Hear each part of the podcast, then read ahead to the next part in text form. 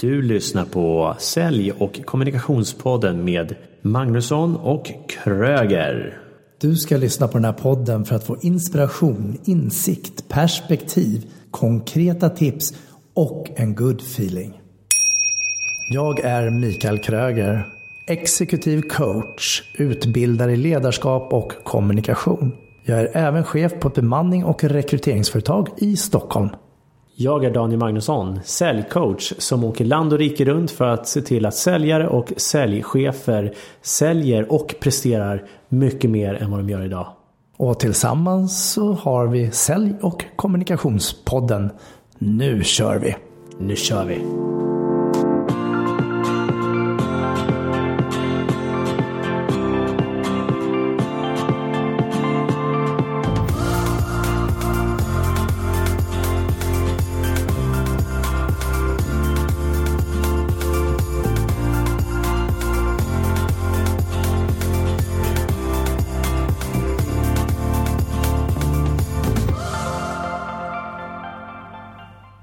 Välkomna till avsnitt 34.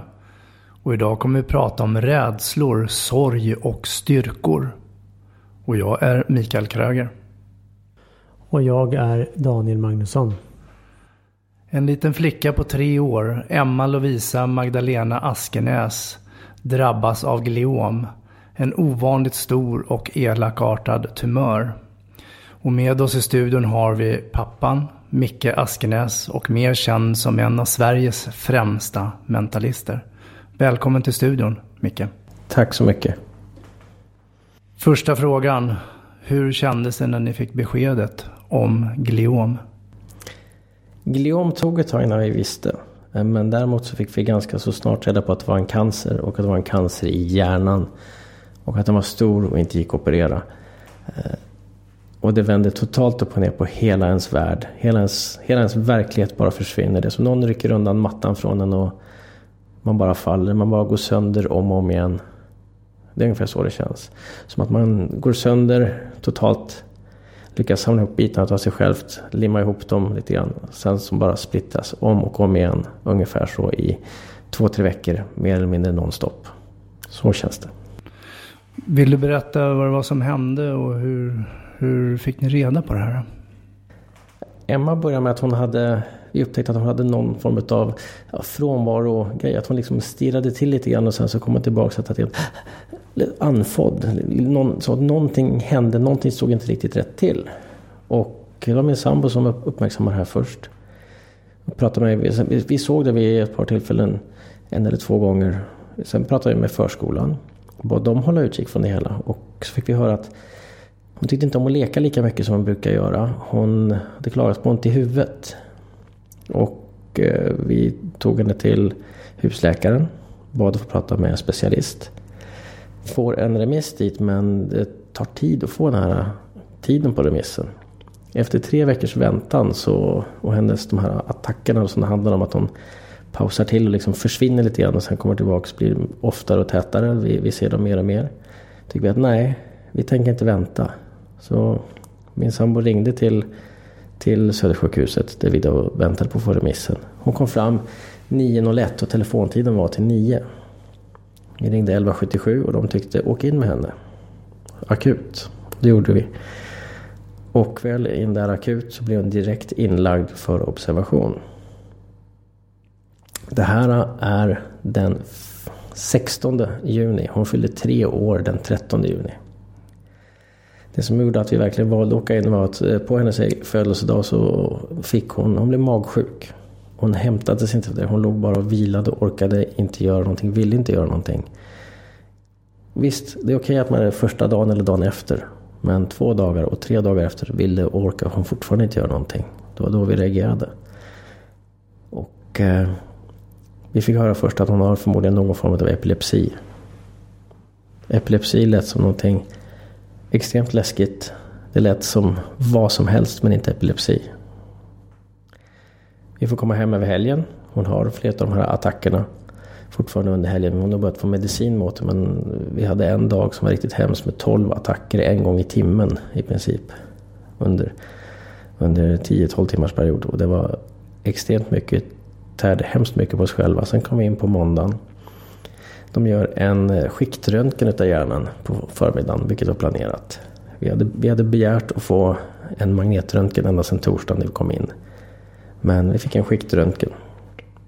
Läkaren kommer tillbaka och säger ja, vi kan se en svullnad i hjärnan, men det är inte en tumör. Det är det första de säger. Och repeterar det, det är inte en tumör. Vilket gör att en stor gigantisk vikt bara lyfts ifrån axlarna på oss. Bara, ah, vi kan hantera det vad den är. Det är inte en tumör. Men de vill ta en till röntgen. Den här gången med markeringsvätska då, så, så de får lite mer kontrastvätska. Så de kan se lite bättre, så de kan se flödena i hjärnan. För att de vill se vad som orsakar de här epileptiska aktiviteterna som de har observerat. Och de tar det här provet. Vi får vänta ett antal timmar på svaret. Vi börjar bli lite irriterade. Vi väntar på att få åka hem. Vi har varit hemma under helgen. Varför skulle vi inte få åka hem nu? Och de kommer tillbaka och säger det här svaret dröjer lite grann. Ja men kan vi, ska vi åka hem då? Ska, vi, ska ni ringa oss och svaret? Och de säger att nej, ni ska inte åka hem.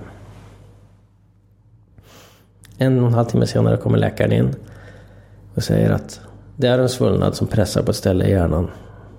Och de vet fortfarande inte exakt vad det är. De säger att antingen är det någon form av inflammation eller också är det någon form av tumör. Det vill säga det här stora hotet som de definitivt sa att det inte var tidigare på dagen kom tillbaka. Då känns det som att någon bara tog en tegelsten och droppade rakt in i magen och jag blev alldeles kall. Vi stannade där över natten för att de vill göra en magnetröntgen dagen efter. De gör en magnet, magnetröntgen omkring lunch. Vi får vänta 5-6 timmar på svaret. Och det är klart man blir rastlösa, vill få besked, vill få svar. Och när läkaren kommer in så ser vi att det här är inte ett bra svar vi kommer att få. Det var den 22 juni. Och det var då vi visste att vår dotter hade fått den sämsta treårspresent man någonsin kunde få. Så ett par dagar innan midsommar så får ni alltså beskedet om att det är gliom? Gliombeskedet dröjer fortfarande för att det... Det här var 22 juni, då fick vi reda på att hon hade cancer. Vi blev direkt flyttade till Astrid Lindgrens barnsjukhus. Emma fick åka ambulans. Hon hade jättekul. Hon satt i ambulansen och sa ambulans, wio, wio. Och, och, och skojade med ambulansföraren. För hon vet inte om att hon är sjuk. Hon har de här små attackerna men det är också det enda hon vet om. Hon vet inte om vad som händer i huvudet. Och hon är en extremt positiv unge. Hon var, var glad. Vi, vi orkar inte vara glada. Det går inte. Det finns ingen, ingen, ingen glädje i det läget. Det finns ingen ork, det finns ingenting. Vi spenderar flera nätter på sjukhuset med eh, undersökningar som pågår hela tiden. Hela tiden. Hon börjar få medicin, mera medicin mot de här epilepsianfallen. Hon, eh, hon sövs ner för att göra en biopsi på. Det vill säga en liten prov utav eh, det hon har i huvudet. Utav den här cancerbiten i hjärnan. Och jag tror att det här var på fredagen när vi väl kom dit. Det borde varit då eh, 26, 26 juni där någonstans. 25. Datum är lite luddigare i det här läget. Vi åkte tisdag den 22 i alla fall. Nu gjorde den här biopsin. Eh, hon, när hon sövdes den här gången så sjöng hon tillsammans med eh, narkossköterskorna och läkarna innan hon somnade. Så att hon är otroligt positiv när de kommer tillbaks, när de fortsätter göra sådana här prover som de tar hela tiden. Tidigare under sjukhusvistelsen har tagit det här kanske varannan timme för att se liksom att, att hon inte blir sämre kontinuerligt. Efter biopsin så tar de prover varje halvtimme på henne och hon är extremt trött. Men hon, hon är så otroligt stark och så otrolig kämpe så att när hon kommer in och säger Hej Emma, nu ska vi ta prover. Då tar de för att ta blodtryck i armen. Då ligger hon ner, hon vaknar upp, hon bara håller armen rakt upp så hon ska få runt blodtrycksmanschetten runt den. Och de tar blodtrycket. Sen är det dags för att ta pulsen och syresättningen av blodet och det gör man ju på, med en liten grej som sitter på fingret. Hon ligger kvar med armen upp och bara sträcker ut fingret. Hon klagar inte, hon säger ingenting. Eh, slutliga de gör är att hon kollar i ögonen, att hon reagerar så att det inte är någon svullnad inne i huvudet efter själva operationen. Menar, en biopsi innebär ändå att de borrar hål i huvudet och går in i hjärnan och plockar ut en provbit. Och hon gör allt det här. Hon klagar ingenting. Hon gråter inte. Hon är inte ledsen. Så när sköterskan är färdig och, och säger allting så säger hon som hon alltid har gjort hos läkarna. Tack doktorn. Innan hon går vidare. Och hon är stabil så vi får åka hem. Vi får åka hem den 27 juni. Då har vi varit inne nästan två veckor nästan varje dag. Vi har haft två nätter hemma på permission. Då får vi komma hem. Emma konstant medicinerad. Det tar några dagar innan hon börjar få tillbaka kraften. Att hon börjar få tillbaka orken. För att hon ligger bara i soffan. Vill bara titta på iPad eller YouTube. Orkar inte göra någonting.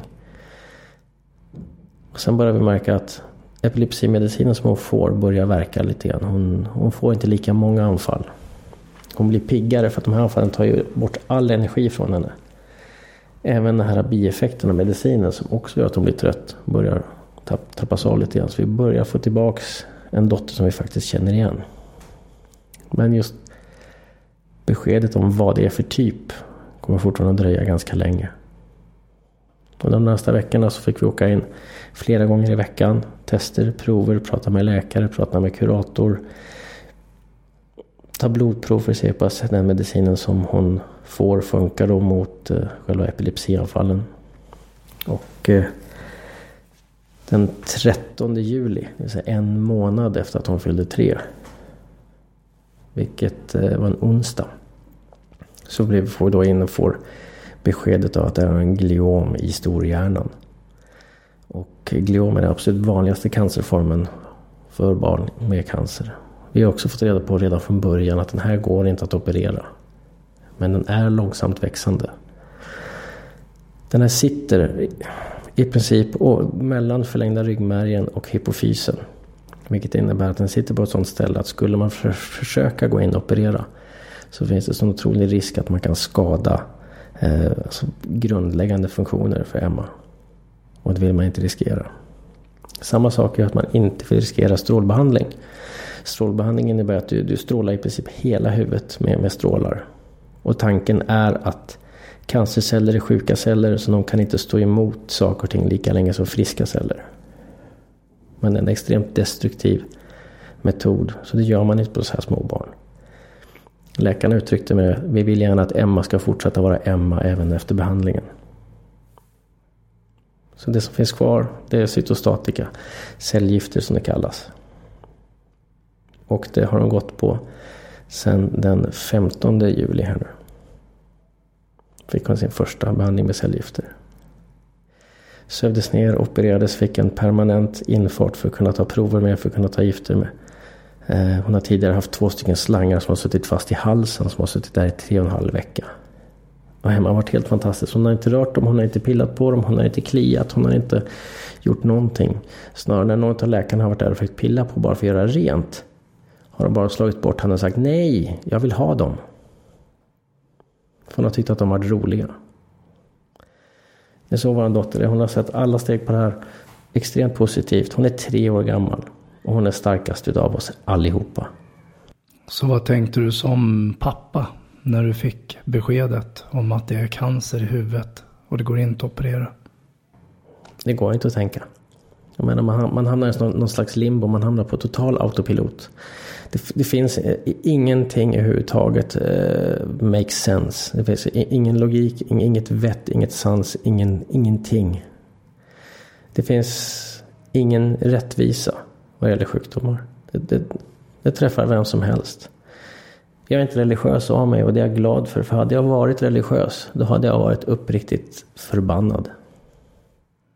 För det finns ingen rättvisa. Det är ingen rättvisa när ett barn spelar ingen roll om det är mitt barn eller någon annans barn. Men när ett barn råkar ut för något sånt här. Det finns ingenting rättvist med det någonstans. Hur hanterar ni i er familj en sån här traumatisk upplevelse med din sambo, med dig själv och dottern? Min sambo och jag hanterar det väldigt, väldigt olika. Ehm, hon kopplade ner, hon stängde av, hon blockerade alla känslor bara och gick i princip på tomgång. Under ett par, tre veckors tid. Jag... Jag hade väl lite, lite lättare. Jag, som jag sa förut, jag, det kändes som att det gick sönder hela tiden och det var så jag kände. Det, det var tillfällen då det bara sköljde över en och man, det bara kom tårar. Men jag försökte att hålla dem borta så att inte Emma skulle se dem. Jag bestämde mig ganska snart för att okej, okay, jag, ska, jag ska lösa det här. Jag ska, göra det jag kan för att Emma ska få en så bra behandling som möjligt. Så punkt nummer ett. Jag ser till att ordna allting praktiskt sett så att vi med läkare, med läkarintyg, med försäkringskassa, med försäkringsbolag, allt sånt där. Jag ser till att vi, att vi har pengarna, att vi har ekonomin för att en av oss ska behöva vara hemma. För vi inser liksom att en av oss kommer att behöva vara hemma. Och vi pratar inte några veckor. Vi pratar inte några månader. Vi pratar i bästa fall kanske bara ett halvår. Innan Emma är så pass frisk att hon kan gå tillbaka till förskola. Hennes behandling kommer att hålla på i minst ett, ett och ett halvt år. Så jag, jag tog hand väldigt mycket om det praktiska. Och det är lite grann den här jägarinstinkten som vi har. Jag, jag började samla för en dålig vinter helt enkelt. Om vi, om vi tänker så. Det var så jag hanterade det hela. Jag valde också att prata med folk. Att prata med folk, att eh, gå ut. Jag pratade, jag la upp en hel del bilder på Facebook om det hela. Jag pratade med vänner. Eh, jag skrev ett ganska långt blogginlägg som uppmärksammades utav media. Där det också blev en artikel i Expressen både på webben och även i papperstidningen. Och jag tror att prata om det har varit eh, det absolut bästa jag har kunnat göra. Så ni hanterade det egentligen olika då? Om man tänker sig Emmas mamma stängde mer av och du valde att prata om det då? Ja. Eh, jag insåg ju snabbt att eh, om Emma ska klara det här och hon ska klara det hela, hon blir frisk. Punkt. Jag bestämde mig för det och det, det har jag bestämt mig för. Så kommer det att bli. Men för att hon ska kunna få den bästa möjliga miljön, den bästa möjliga eh, förutsättningar för att hon ska liksom kunna läka och bli frisk. För att hon kommer att bli dålig under den här tiden och hon kommer att ha det jobbigt. Men det är att hon ska kunna vara, känna att hon har det positivt, att hon har stöd, att hon ska kunna vara glad. Desto gladare Emma är under den här perioden, desto bättre kommer hon att må, desto bättre tid kommer vi ha med henne, desto bättre kommer hon att hantera alla de här behandlingarna. Så då är det våran jäkla skyldighet att se till att hon är glad. Även om vi själva kanske har svårt att vara glada. Ja, vi får hålla inne det var inför Emma. Vi får ta det när hon sover i sånt fall. För vi har bestämt oss för att vi ska vara så bra föräldrar vi bara kan vara åt henne. Genom att göra den här lilla flickan så glad, så lycklig som möjligt. Jag struntar blankt i om hon blir totalt bortskämd under den här tiden. Det, det är någonting jag ser fram emot att ta med henne när hon är frisk. Att förklara för henne att okej, okay, ja, du fick fyra, fem Kinderägg om dagen under den här perioden. Men det hade en orsak. Nu får du inte det längre. Det blir bara trevligt att ta den diskussionen när hon är frisk.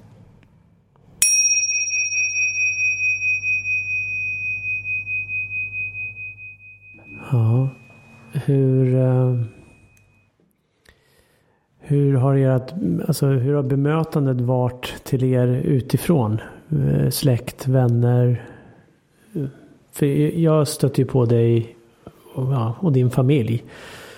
Dagen efter ni hade varit på Karolinska på, och fått den här första behandlingen. Visst var det Karolinska? Absolut. Astrid Lindgrens barnsjukhus. Karolinska. Precis. Eh, jag stötte ju på er på, på Mall of Scandinavia. Ni satt och fika där. Och jag såg att du var där med din familj och jag var så här en snabb tanke dyker upp. Kan jag stanna? Vad ska jag säga? Hur, hur ska jag agera? Jättesvårt utifrån. För det finns ju en rädsla. och Hur ska jag agera? Det var det första som poppade upp i mitt huvud. Och jag är glad att jag stannade. För det hade varit verkligen fel att låtsas som att jag inte hade sett er. Och det, det jag vill ändå få säga, det första som ändå dyker upp är liksom hur ska jag agera? Vad ska jag säga? Och, och, och, frågan till dig då blir liksom, hur agerar folk i närvaro? Hur vill ni att någon ska agera? Det, är det. det, det finns ju en, en nackdel med att prata öppet om det är att folk vet om det. Och då har vi kommit i den här situationen att nej, vi kan inte prata med Micke därför att hans dotter är sjuk. Folk har förutfattade meningar om eh, vad jag kommer att prata om, hur jag mår, hur jag hanterar situationen, vad jag vill eller vad jag inte vill prata om. Och det finns ju många personer som har kanske då ett sjukt barn där vännerna drar sig bort ifrån därför att de just inte vet hur de ska hantera det hela. Och naturligtvis så hur folk väljer att, att hantera situationer är otroligt individuellt. Jag har valt att gå ut och prata om det här. Ja, det innebär inte att jag pratar om det hela tiden. Det innebär inte att jag inte kan ha det trevligt med en kompis som ringer och vi kan bara prata om vad tusan som helst som inte alls har med mig att göra. Det kan jag. Det gör vi. Väldigt många personer kommer dit och de bara är helt ärliga och säger jag vet inte vad jag ska säga. Och det är helt okej. Okay. Det är helt okej okay, för jag vet då att, att de bryr sig. Och det behöver inte vara mer än det. Det kan vara personen som kommer fram till mig och säger att jag vet inte vad jag ska säga. Och jag bara, jag vet, det finns inget att säga. Mm. Men omtanken finns där och det räcker. Man behöver inte ha en halvtimmes föreläsning om vad jag går igenom. Ingen person som inte har varit i den här situationen kan fullt förstå vad det är man går igenom. Jag har ändå träffat på ganska mycket föräldrar till barn som har haft cancer och andra sjukdomar förut. Genom diverse hobbys och så vidare som jag har hållit på med. Och jag har sett och jag har inte förstått. Jag har inte haft en aning vad de har gått igenom. Inte förrän jag är där själv. Mm. För det var precis som jag sa till er när jag träffade på er att ja, var, varje gång jag ser ett inlägg som du gör så, så får jag tårar i ögonen. Så, så din sambo säger ju det att ja, det finns inga ord. Det gäller bara att vara stark, tror jag hon sa. Och inför Emma. Och det är mycket det det handlar om. Som du sa också, att hålla modet uppe på något sätt. Precis. Uh, ja, jag... Det är svårt att... Ja, verkligen för svårt. svårt. Alltså det går inte att förstå. Det är ju jag, jag, kan inte påstå att, att vi är i den sämsta, att vi har fått det sämsta möjliga beskedet en förälder kan få. För att det sämsta möjliga beskedet en förälder kan få är betydligt grymmare än det här. Det, det sämsta beskedet en förälder kan få är att ens barn inte finns längre. Vi är inte där. Eh, Emma har en väldigt allvarlig sjukdom. Som sjukdomar går så är det i princip den allvarligaste sjukdomen hon kan få, ja. Så i min värld så är det här kanske bland topp fem utav de sämsta beskeden en förälder kan få. Definitivt. Men hon finns där. Mm. Hon är glad, hon är positiv, hon skojar, hon börjar leka. Hon är glad och positiv. Vi måste vara glada och positiva för henne. För det här racet har bara börjat. Vi kan inte ge upp nu. Vi har en lång tid framför oss. Om vi ger upp första stegen, hur, hur pass bra kommer det här att gå? Om vi väljer att kämpa tillsammans med Emma och ge henne liksom bästa möjliga förutsättningarna och vara där hela vägen. Och hjälpa henne att kämpa mot det här så tror jag att vi kommer ge henne mycket bättre förutsättningar att göra det här. Om vi håller henne glad, om vi håller henne positiv, om vi, om vi håller henne stark. Och hon får styrka genom oss. Och vi får styrka genom folk runt omkring. Genom familjen, genom vänner genom de tusentals personer som har ändå kontaktat oss. Som ändå har agerat med oss under det här. Tack vare att jag har valt att vara publik med det. Artikeln om Emma delades minst 6000 gånger. På Facebook. Det är så pass mycket folk som blev berörda av det hela. Vi har folk från hela världen via de här äh, föreningarna och klubbar jag är med som stöttar oss, som skickar meddelanden, som styrk, skickar oss styrkemeddelanden. En, en, en person jag aldrig har träffat, vi råkar bara vara med i samma, samma klubb som bygger robotar från Australien. Eh, beställde och skickade upp en rosa nallebjörn som är 1,60 hög till Emma. Jag har aldrig träffat honom. Men han kände att han ville göra det. Sådana saker, sådana initiativ eh, betyder så otroligt mycket. Även om det egentligen ingen jättestor grej. Man går in på eh, en, en sajt och beställer någonting med en annan adress. Men just bara det att folk tänker på oss och gör de här sakerna. Men att ens vänner gör det, som man känner. Det, det förstår man på ett annat sätt. Men när det är folk som man aldrig ens har träffat som blir så berörda. Det, Det är, man blir otroligt ödmjuk mm. och man får otroligt mycket styrka. Nu har du varit eh, väldigt eh, transparent i den här delen också. Som du säger, delat mycket på Facebook och det har varit tidningsartiklar och det är bilder med hälsningar runt om i världen och det har skickats presenter och det är Kinderägg och all, alla de här delarna. Eh, jag tänker det kan ju också vara en jobbig bit att bli så publik. Eh, det måste finnas en baksida av det också. Om, jag tänker att många vill väl, och det kanske alla vill. Men eh, jag tänker, kan ju finnas en, någon baksida? Är det någonting du har märkt under resans gång här? Det är klart att det finns baksidor. Det finns baksidor på allting. Jag eh, är ändå hyfsat van vid att vara lite mer officiell med tanke på att jag ändå jobbar som artist. Men det, jag har ju fått ganska många meddelanden från folk som tycker att jag ska ta med Emma till Brasilien och träffa en helare. Folk som kontaktar en med, kan vi säga, minst sagt esoteriska varianter. Alltifrån ja, all cancer kan botas på två till sex veckor. Eh, läkarna väljer bara att inte göra det för de tjänar så mycket pengar på cancermedicinen. Sådana typer av personer som kontaktar en som talar om att du måste göra det här, du måste göra det här, du måste göra det här, du måste göra det här. Eh, homeopatiska behandlingar eh, var det någon som skrev om. Det här pratar om alltså folk som jag inte känner som bara kommer ut på sådana här saker. Jag hade god lust den här homeopatiska personen att, att, att säga att ja, men Emma tar redan den starkaste homeopatiska medicinen som finns, det vill säga ingen alls. Homeopati går ut på att desto mer utspätt det är, desto kraftigare är det. Och kan det bli mer utspätt än ingenting alls? Hur hanterar du när, när den här typen av inlägg eller sms eller samtal kommer? Om det är folk jag inte känner så behöver jag inte agera på det. Och det är ett val jag har gjort att nej, jag känner inte dig. Och jag kanske väljer då att inte svara. Det finns folk som eh, har en annan livsåskådning än vad jag har. Som kanske är lite mer, har en mer esoterisk livsåskådning. Som eh, skickar hälsningar. Och det är allt ifrån amerikanska vänner som säger eh, We're praying for her. Alltså att de ber för henne till eh, folk som eh, skickar hälsningar med att de gör healing från avstånd. Och pratar vi då folk som jag känner och inte folk som vet att man ska betala för någonting. Absolut inte. Och jag, och jag vet mycket väl vad det här är. Jag vet mycket väl att det inte är någonting annat än välvilja från deras sida. Och jag kanske inte delar deras, deras ska säga, livsåskådning. Det behöver jag inte göra för att jag känner fortfarande igen att det är välvilja. Och vi är väldigt tacksamma för den välviljan. Sen om vi kanske inte väljer att eh, ha samma livsåskådning, det är en helt annan sak. Man kan fortfarande önska väl till andra personer även oavsett vilken religion eller vilken trosåskådning eller vad man än, än har. Så någonting som jag personligen tycker absolut är, är tabu det är ju att gå in och säga jag förstår vad du känner eller jag förstår vad du går igenom.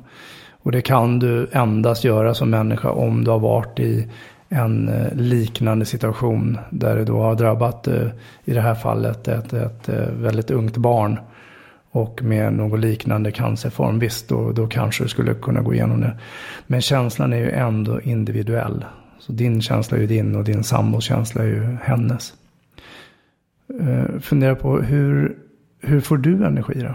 Vad, vad gör du för att återskapa energi och kunna vara i, ja, om vi nu får kalla det normala vardagen då? Vi har precis kommit in i en miljö där vi börjar få någon form av normalitet i vardagen. Det vill säga Emmas eh, attacker, de håller fortfarande på men de har minskat till viss del. De är i alla fall inte lika kraftiga som de var förut. Hon återhämtar sig snabbare, hon blir inte lika matt och uttröttad. Hon orkar faktiskt göra saker. Jag menar bara förra veckan så var vi ute och, och gungade i en halvtimme. Emma älskar att gunga. Hon har alltid älskat att gunga. Hon, hon kunde alltså gunga i timmar. Jag skojar inte. Eh, jag brukar komma hem från jobbet ungefär en och en halv timme efter min sambo som hämtar Emma på förskolan. Så kunde jag ringa vart är ni någonstans och så hör jag bara en suck i telefonen och säger Vi gungar. Och då pratar vi istället hon gungar på är precis utanför dörren till förskolan. Då har de gungat i en och en halv timme och Emma vill inte gå.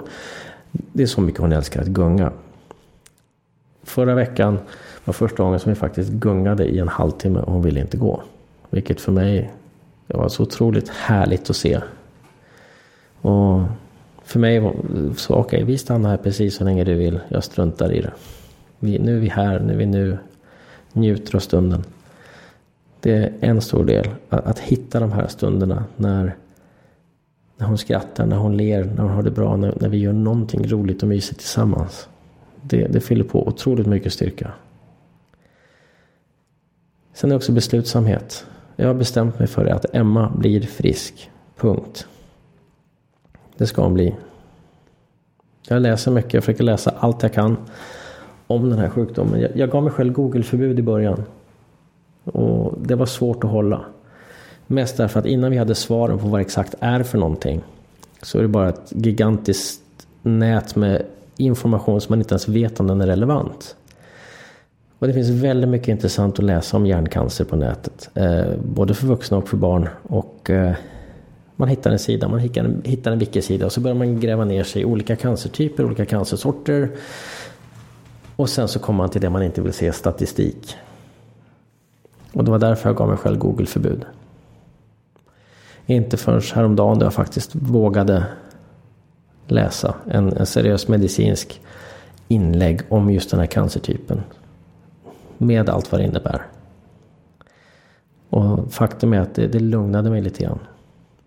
I och med att det är en väldigt, väldigt långsamt växande tumör Emma har.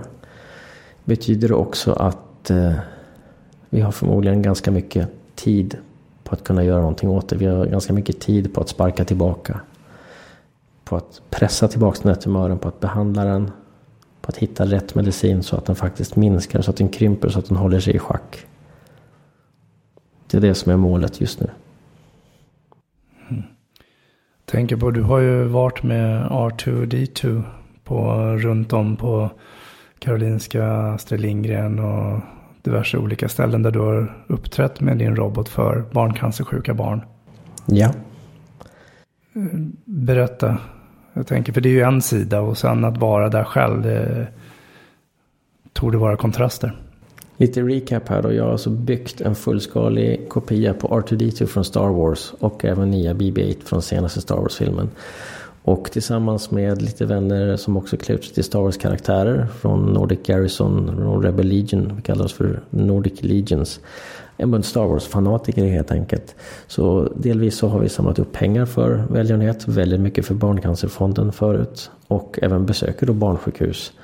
Helt och hållet på ideell basis, helt och hållet allting självbekostat. Och eh, har med oss ofta donationer som vi har fått från eh, från företag eller från våra framträdanden och ta med leksaker. Så att jag har just besökt, precis en månad eller fyra veckor innan Emma fick sin, sin eh, diagnos.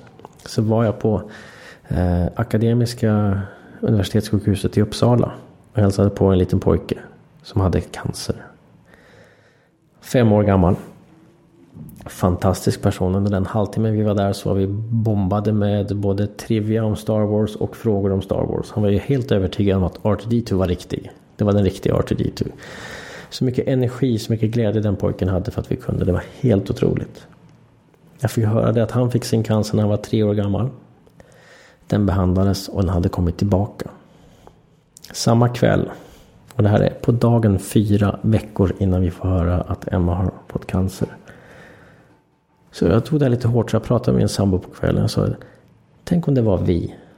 Tänk om vi skulle få beskedet att Emma skulle få cancer, tre år gammal. Jag sa de orden. Och så får hon det, tre år gammal. Det är sån otrolig ironi på något vänster. Jag menar, det har, de gånger jag har varit ute och gjort sådana här saker, det har varit viktigt, det har känts viktigt. Jag, jag har känt det på mig att det har varit viktigt. Därför att när man ser de här barnen som den här killen uppe i Uppsala att hur han glömmer bort det här med slangar. Han glömmer bort att han är sjuk. För, för den tiden vi är där så är han liksom, han är, han är ett barn. Han är bara ett barn. Han är ett barn som får träffa sin idol. Och, och det, det betyder så otroligt mycket. Man åker därifrån och man, man liksom både ler och, och, gråter samtidigt efter ett sånt där besök. Och jag, jag, jag rannsakar mig själv efter ett riktigt tungt besök som vi gjorde för några år sedan på Lilla Erstagården, vilket är Sveriges enda barnhospice. Det vill säga barn som är i slutskedet av livet kommer dit. Och då gjorde vi någonting tillsammans med Nalles Resa. vi besökte de barnen som var där. Och jag satt och, när jag fick frågan så det här, det här, det här är inte någonting jag kan säga nej till. Jag var tvungen att fundera på, orkar jag med det psykiskt sett? Bestämde för att jo, det, det gör jag. Och vi var där så att jag funderade på, men vad, vad tycker då föräldrarna som är där i den situationen om att vi är där? Det är en gigantisk fråga. Och när jag åkte därifrån så, så åkte jag därifrån med en väldigt, väldigt varm känsla inombords. Därför att den tacksamheten vi möttes av. Därför att vi kom dit, vi vågade komma dit. Till de som är i en sån otroligt allvarlig situation. För att lyfta upp barnens eh, humör. Och, och, den tacksamheten vi fick från dem, den, den, den säger, säger jättemycket. Och jag är precis där nu. Nu börjar jag förstå vad föräldrarna till de här barnen som jag har träffat går igenom. De personer som varit hemma hos oss och försökt roa Emma, försökt få henne, få henne glad och skratta även om hon varit trött. Även om hon inte orkat så har hon fortfarande varit där. Den, jag förstår precis den tacksamheten de föräldrarna kände när vi har varit hos dem. Det är alla som gör någonting för att göra Emma glad. Det är stor guldstjärna i min bok, så är det bara. Sen är det att när jag är ute, jag kanske inte vill prata om Emma hela tiden. Om jag är borta och jobbar så jag kanske inte vill prata om Emma hela, hela tiden. Det kanske finns tillfällen då jag vill göra det. Och då är det fine om du kanske inte orkar lyssna på det för att jag har vänner som jag kan ringa dygnet runt. Men det, det vi pratade om förut var, vad säger man till en person som råkar ut för det här? Det är klart att man kan beklaga. Det är klart att man kan bara ge en kram. Men vad gäller att debattera vad som pågår så tror jag att det ska man nog låta den personen som råkar ut för det hela ta det initiativet. För man måste komma bort från det lite grann. Man måste få lite paus. Mm, jag har ju sett eh, någon tv-reklam för länge, länge sedan och säkert reklam på andra ställen också. Det här med barncancer. Eh, för att de ställde upp några stolar i någon studio och så sa man att ungefär en av fyra fick cancerbarn. Jag tror att det var så, kan ha varit en av fem också, jag är osäker på det. Eh, och så är det insamling till Barncancerfonden.